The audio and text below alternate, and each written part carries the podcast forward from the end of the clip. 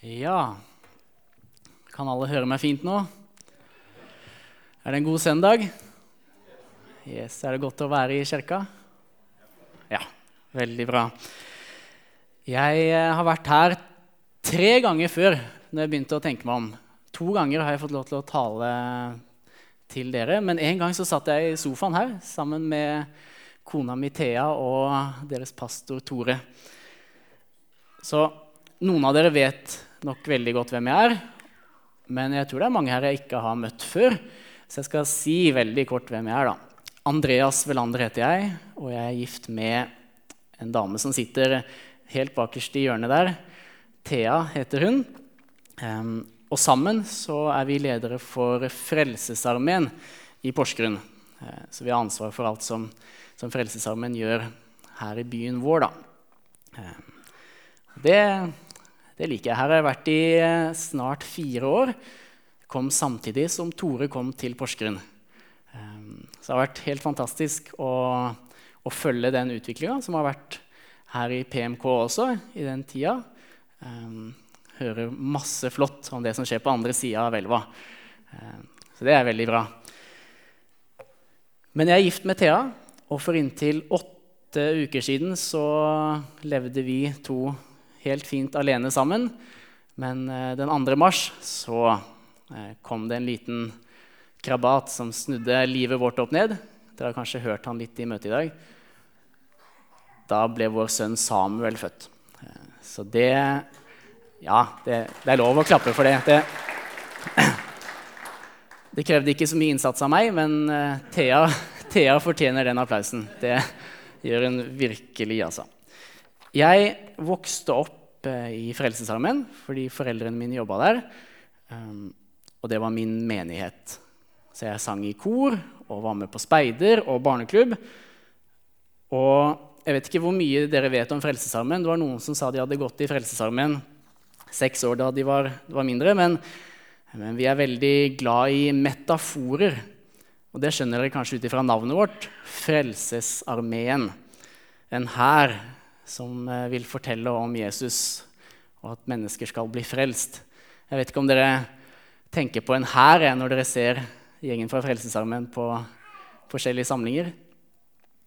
Nei, vi er i hvert fall veldig glad i bildet. Eh, det, det er sterkt. Og vi bruker sånne metaforer mye. Vi har krigersjanger, og vi har offiserer, og vi har generaler, og vi har soldater.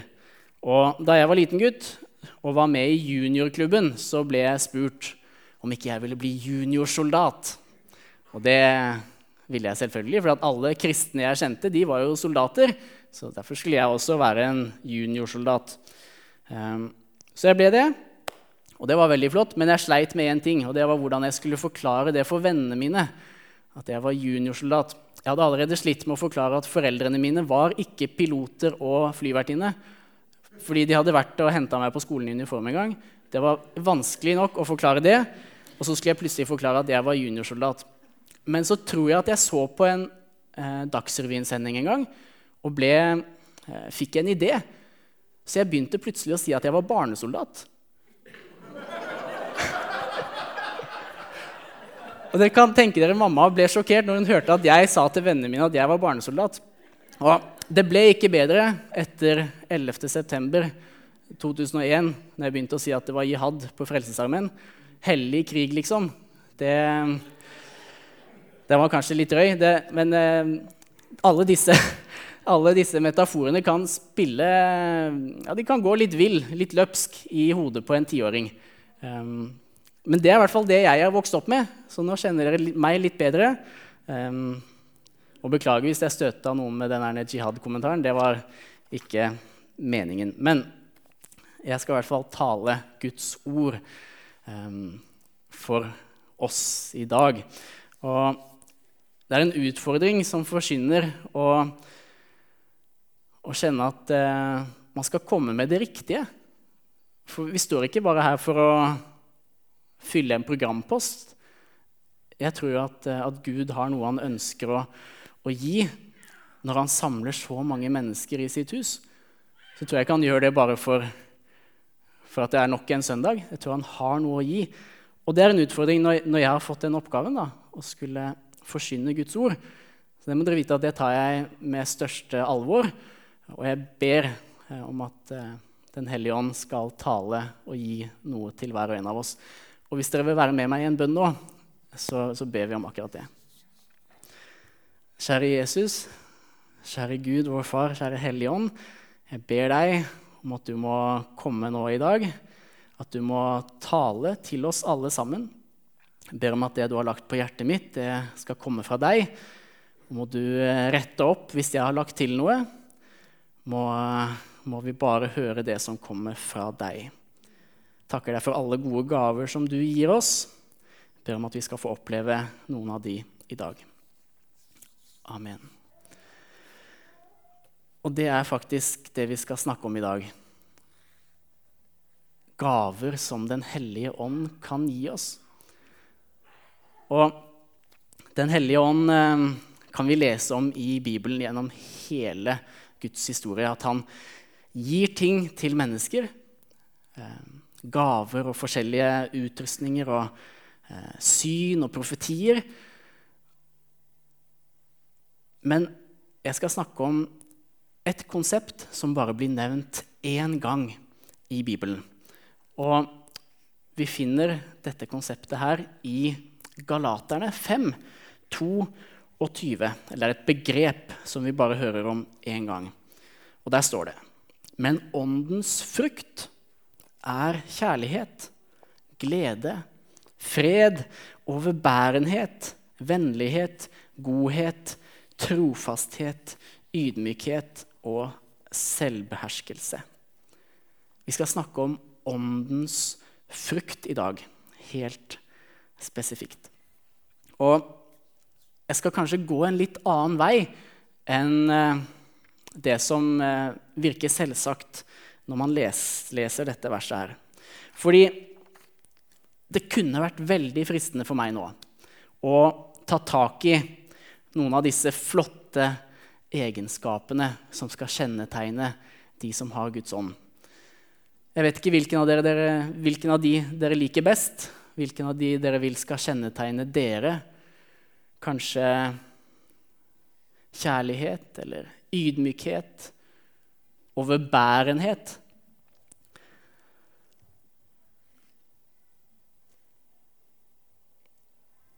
Gud vet virkelig at overbærenhet er noe vi trenger i menighetene våre. Altså.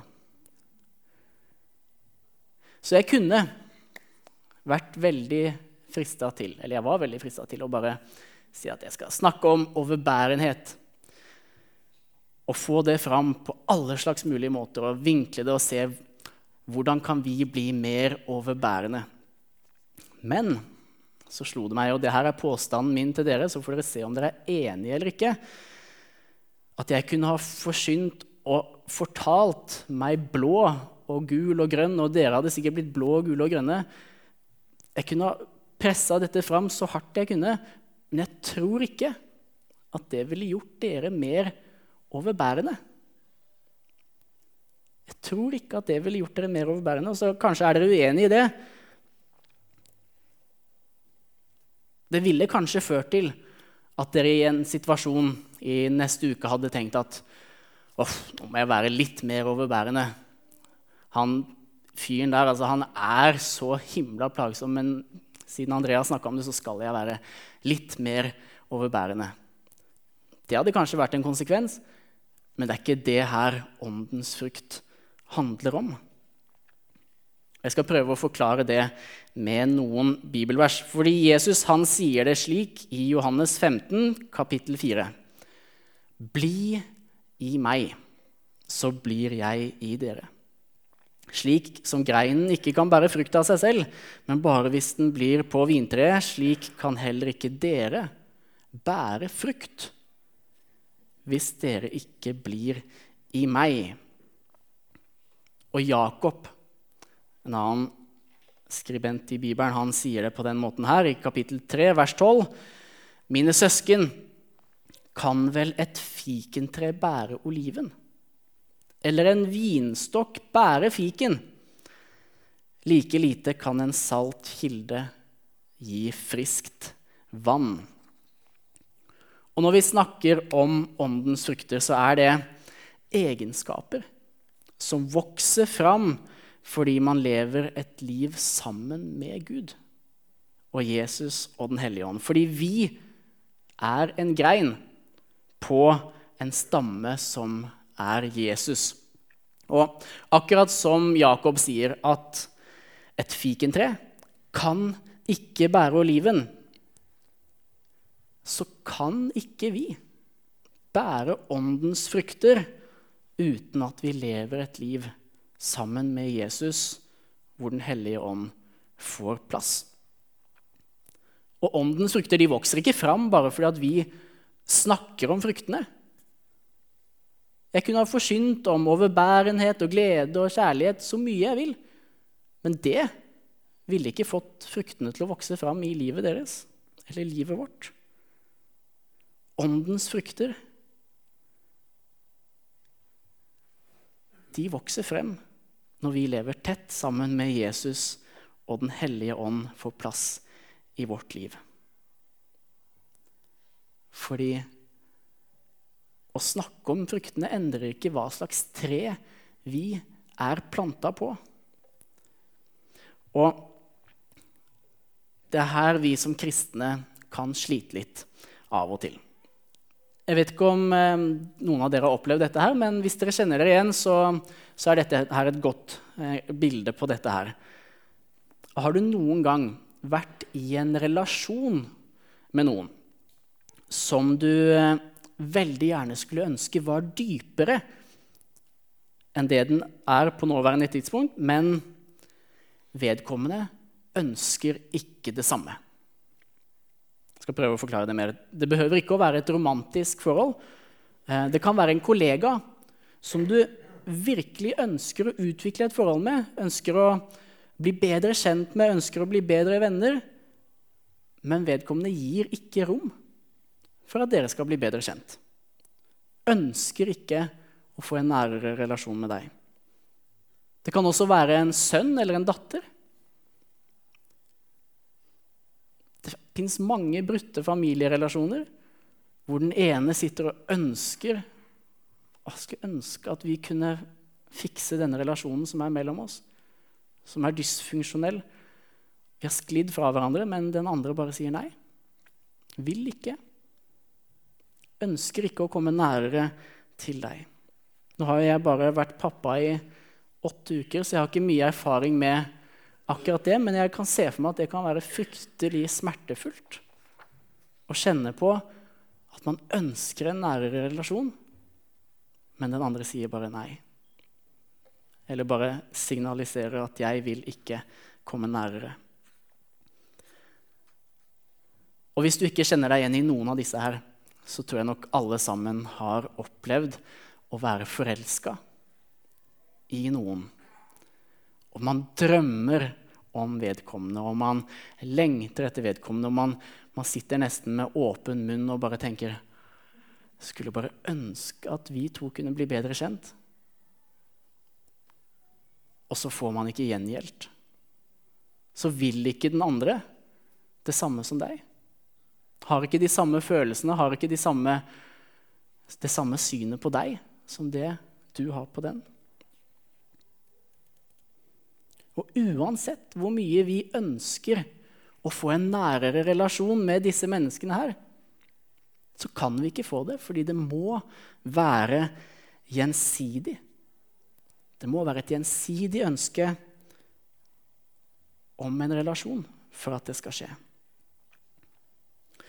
Og dette her er en, en sorg i manges liv og en utfordring. Men det er også et budskap og et overhengende tema som går igjen i Bibelen. Det at Gud leter etter oss mennesker. At han prøver å finne oss for å ha en nær relasjon med oss. Vi ble advart om at søndagsskolen skal sprenge ballonger i dag. Så det er ingen som blir skutt. Det er ballonger som sprenger. Nå tror jeg de er ferdige. Det er et gjennomgående tema i Bibelen. At Gud leter etter oss mennesker, han ønsker å ha en nær relasjon med oss. Han ønsker å gå dypere og dypere og dypere i relasjonen, komme nærmere og la oss bli enda mer kjent med han. Men gang på gang så er det vi som sier nei. Så er det vi som holder Gud på avstand. I begynnelsen så skapte Gud himmelen og jorden, leste vi i Bibelen. Og vi leser videre om at, at Gud skapte menneskene. Og han kalte de Adam og Eva. og Spørsmålet er hvorfor skapte han de? Vi sang det i sangen i stad.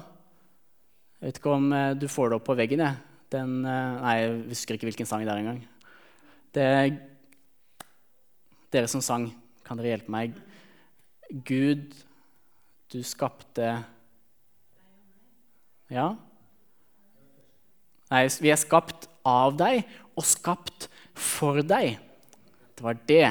Skapt av deg og skapt for deg. Fordi han ønsket en relasjon med oss mennesker. Han ønsket å være med oss. Det står at han gikk i hagen sammen med dem. Han lette etter dem da de ble borte. Han ønsket at de skulle bli kjent med ham, men de valgte å gå bort fra ham. De valgte å ikke gå dypere inn i denne relasjonen med Gud. Og Videre i Det nye testamentet så leser vi om en Gud som blir sammenligna med en far. Som elsker sønnen sin så mye at selv når han river opp livsverket til faren og ber han om å selge halve gården, så gjør faren det. Og når sønnen tar tingene sine og drar, så står faren igjen og venter og venter og venter fordi han ønsker å ha en nær relasjon med sønnen sin. Og selv når sønnen holder seg på avstand, så står faren fortsatt og venter og lengter etter den dagen han kanskje skal få møte sønnen sin igjen. Den dagen kjærligheten hans kanskje skal bli gjengjeldt. Og gang på gang så havner vi mennesker på avstand fra Gud. Og måten vi gjør det på, er ikke alltid at vi fornekter Gud eller roter oss bort fra ham. Men også kan vi lage rammer og systemer og ritualer som gjør at vi kan ha med Gud å gjøre, men ikke være med Gud. I Hosea kapittel 6, vers 6 så leser vi om hvordan Gud reagerer på denne avstanden som oppstår når vi lager systemer og måter å være omgås med Gud, men ikke være med ham. Det står 'For jeg vil ha kjærlighet', ikke slakteoffer. Gudskjennskap fremfor brennoffer. Og selv i dag Dette her er jo fra en tid som vi ikke kjenner oss igjen i. Men selv i dag så har vi ting som gjør at vi kan holde Gud på en armlengdes avstand. Kanskje vi har kommet inn i en behagelig rytme. Vi går i kirken på søndager, for det har vi alltid gjort. Der gir vi kollekten vår, fordi det har vi alltid gjort. Så synger vi de sangene vi synger, fordi det gjør vi. Så møter vi vennene våre, og så spør jeg meg selv men gir vi egentlig det Gud vil ha. Han vil ha kjærlighet, ikke slakteoffer. Han vil ha gudskjennskap, ikke brennoffer. Han bryr seg egentlig fint lite om tradisjonene våre, om ritualene våre, om religiøsiteten vår, om man kan si det sånn. Det han ønsker, er kjærligheten vår, relasjonen vår, at vi skal kjenne han. Og i mitt eget liv så kan jeg dele noe som egentlig var ment som en god ting. Som i utgangspunktet er en ting jeg oppfordrer alle i menigheten på Frelsesarmen til å gjøre, men som for meg ble en måte å holde Gud på avstand. Jeg hadde, har en sånn tradisjon at jeg ønsker å lese et kapittel i Bibelen hver dag. Og jeg hadde en sånn måte jeg gjorde det på at jeg, før jeg la meg på kvelden, så skulle jeg alltid lese dette kapittelet. Og så skulle jeg skrive i en bok hva jeg hadde lest. Dagens manna. Og det er en fantastisk rutine å ha. Men sånn det ble for meg, det ble at jeg kunne gå gjennom hverdagen, og så kunne jeg kjenne det som vi ofte kjenner på som kristne, at nå har Gud noe han har lyst til å si til meg. Prøver å si at 'Andreas, her er det noe du må få med deg'. Og så merka jeg hvordan jeg kunne si til meg selv og til Gud at 'Men jeg skal lese Bibelen senere i kveld, jeg. Kan vi ikke ta det da?' Utsatte relasjonen med Gud til dette faste tidspunktet på slutten av dagen som jeg hadde satt av til han. Og så kom jeg til den stunden når jeg skulle lese Bibelen på kvelden. Hadde jeg gjerne dårlig tid, eller jeg var trøtt eller sliten, så leste jeg kjapt igjennom, skrev dette manna som jeg alltid skulle få ned, og så endte det med at jeg glemte alt om å faktisk lytte til Gud. Om å faktisk ha en relasjon til Han. Og så ender det med at det som var en fantastisk god hensikt, en fantastisk god rutine å ha, ble for meg en måte å holde Gud på avstand. Og ikke misforstå meg, Jeg sier ikke at man skal slutte med å lese i Bibelen.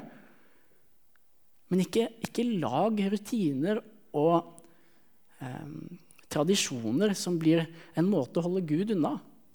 Som blir en måte å sette Gud i en bås og si 'Der er du. Her lever jeg livet mitt.' Så møtes vi der innimellom, enten det er i kirka, eller om det er hjemme, eller om det er hva som helst. For jeg vil ha kjærlighet, ikke slakteoffer. Ikke tradisjon, ikke religiøsitet. Jeg vil ha gudskjennskap, ikke brennoffer. Og Så kommer det et vers som jeg ikke får opp på skjermen her, men det står i Johannes' åpenbaring, tredje kapittel. Det står om menigheten i Laudikea. Det står at eh, de følte de hadde alt. Rikdom og overflod.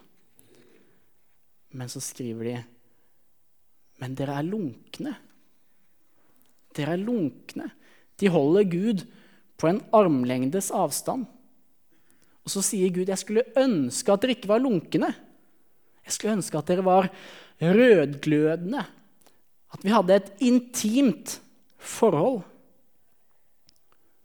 Og så sier han, 'For det står ikke på meg.' 'Jeg er her, jeg står ved døren og banker', sier han. Jesus han kom veldig nært. Han ga opp alt han hadde, satsa på en relasjon i håp om at den skulle bli gjengjeldt av oss mennesker. Og for noen så blir den det, mens for andre så, så sier de enten nei til det hele, eller så har man sagt ja til det én gang. Men så har man sklidd ifra, og så er den eneste måten vi omgås Gud gjennom noen faste tradisjoner som vi egentlig ikke legger så mye i.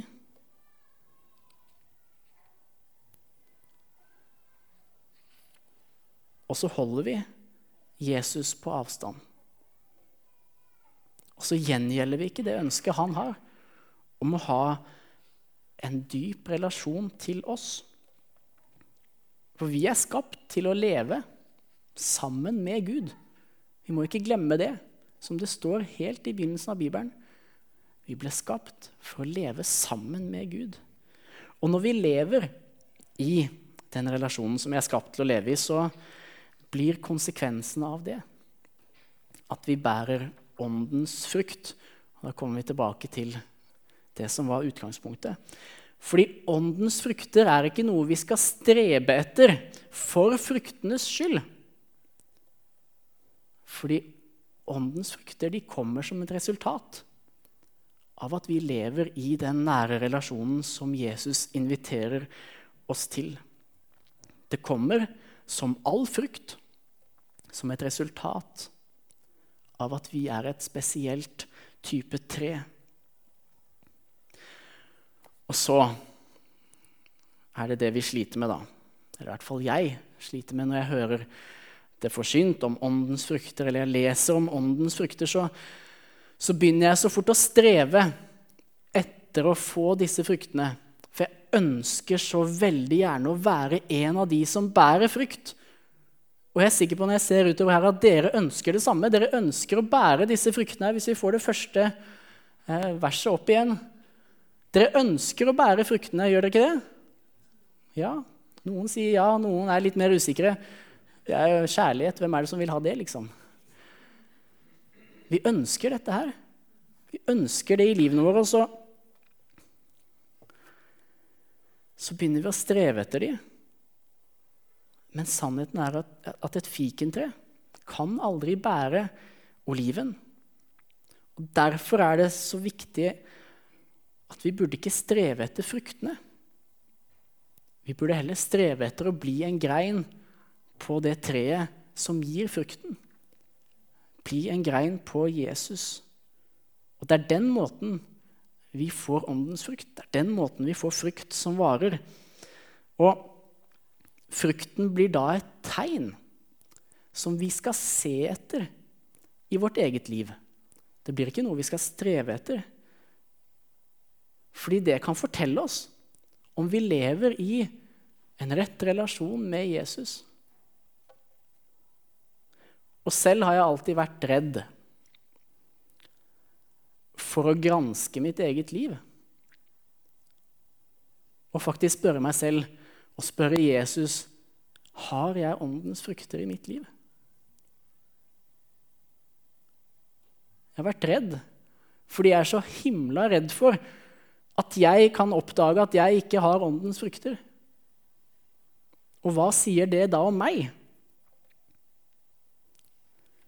Men jeg tror absolutt ikke at vi skal være redd for å granske vårt eget liv. Be Jesus om å skinne lys, med sitt lys inn i livet vårt.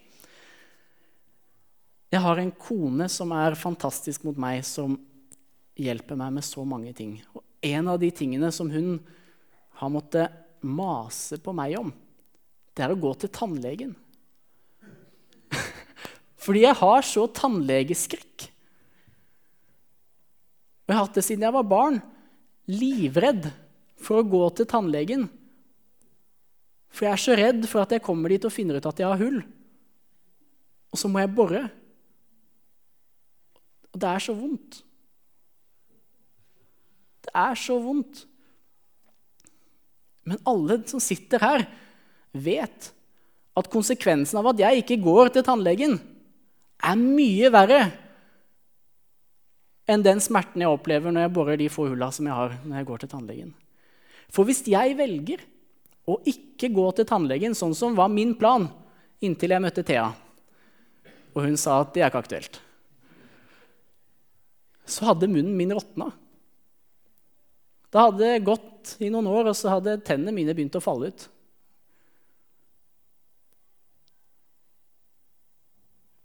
I motsetning til at jeg går til tannlegen så sier tannlegen at du, Andreas, du må slutte å drikke brus hver dag.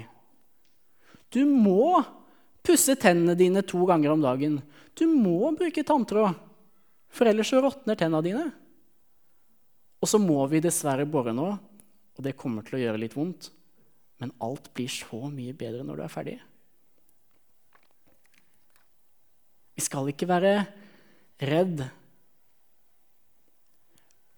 for å granske livet vårt fordi vi kanskje finner ut at noe er galt.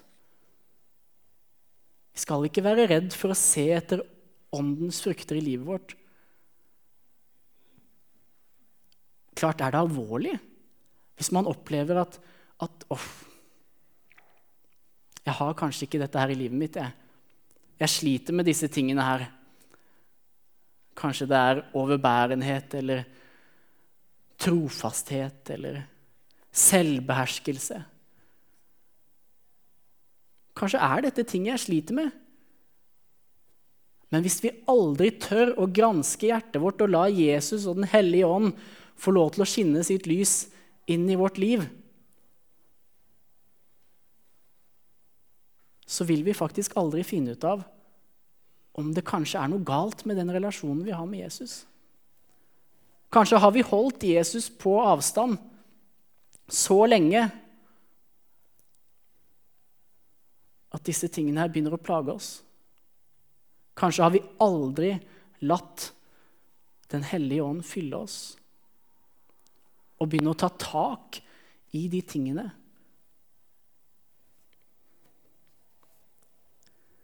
Så hvis man gransker hjertet sitt og finner ut at dette her er faktisk ting som, som ikke er på plass i mitt liv Ikke se på det som et bevis på hvor dårlig du er. Se heller på det som Jesus som står på døra di og banker og sier, 'Andreas, slipp meg inn, da.' Du sliter med selvbeherskelse, du sliter med overbærenhet. Du sliter med fred. Hører du ikke at jeg står ved døra di og banker og vil inn og hjelpe deg? og sier, 'Mitt barn, det er enda mer her for deg.' Jeg har så mye mer jeg ønsker for ditt liv. Og jeg skulle bare ønske at du ville komme til denne nære relasjonen som jeg har lagt til rette for. Det finnes så mye mer enn det du opplever nå. Åndens frukt er kjærlighet glede, fred, overbærenhet, vennlighet, godhet, trofasthet, ydmykhet og selvbeherskelse. La oss be sammen. Himmelske Far, jeg takker deg for at du aldri gir opp jakten etter hver og en av oss. Selv om vi går bort fra deg, selv om vi fornekter deg, selv om vi holder deg på en armlengdes avstand på den ene eller den andre måten, så står du alltid der og venter som en far som ønsker en nær relasjon med sønnen sin. Og jeg takker deg for at vi kan høre deg banke. Takker deg for at du ønsker å ta tak i ting i livet vårt takker deg for at det ikke er ting vi trenger å, å streve etter å endre i vår egen kraft, men at vi kan la deg fylle oss. At vi kan la din kjærlighet strømme ut. Vi kan bli fylt av din overbærenhet og din ydmykhet. Fordi vi er en del av deg. Hjelp oss å ikke være redd for å la deg skinne ditt lys inn i livet vårt og vise oss hvis vi er på ville veier, hvis vi har rota oss bort fra deg. Og hjelp oss å forstå at det ikke er noe fordømmelse i deg, men at du bare står og venter og gleder deg til den dagen vi kommer tilbake til deg. Det ber jeg om og takker deg for i Jesu navn.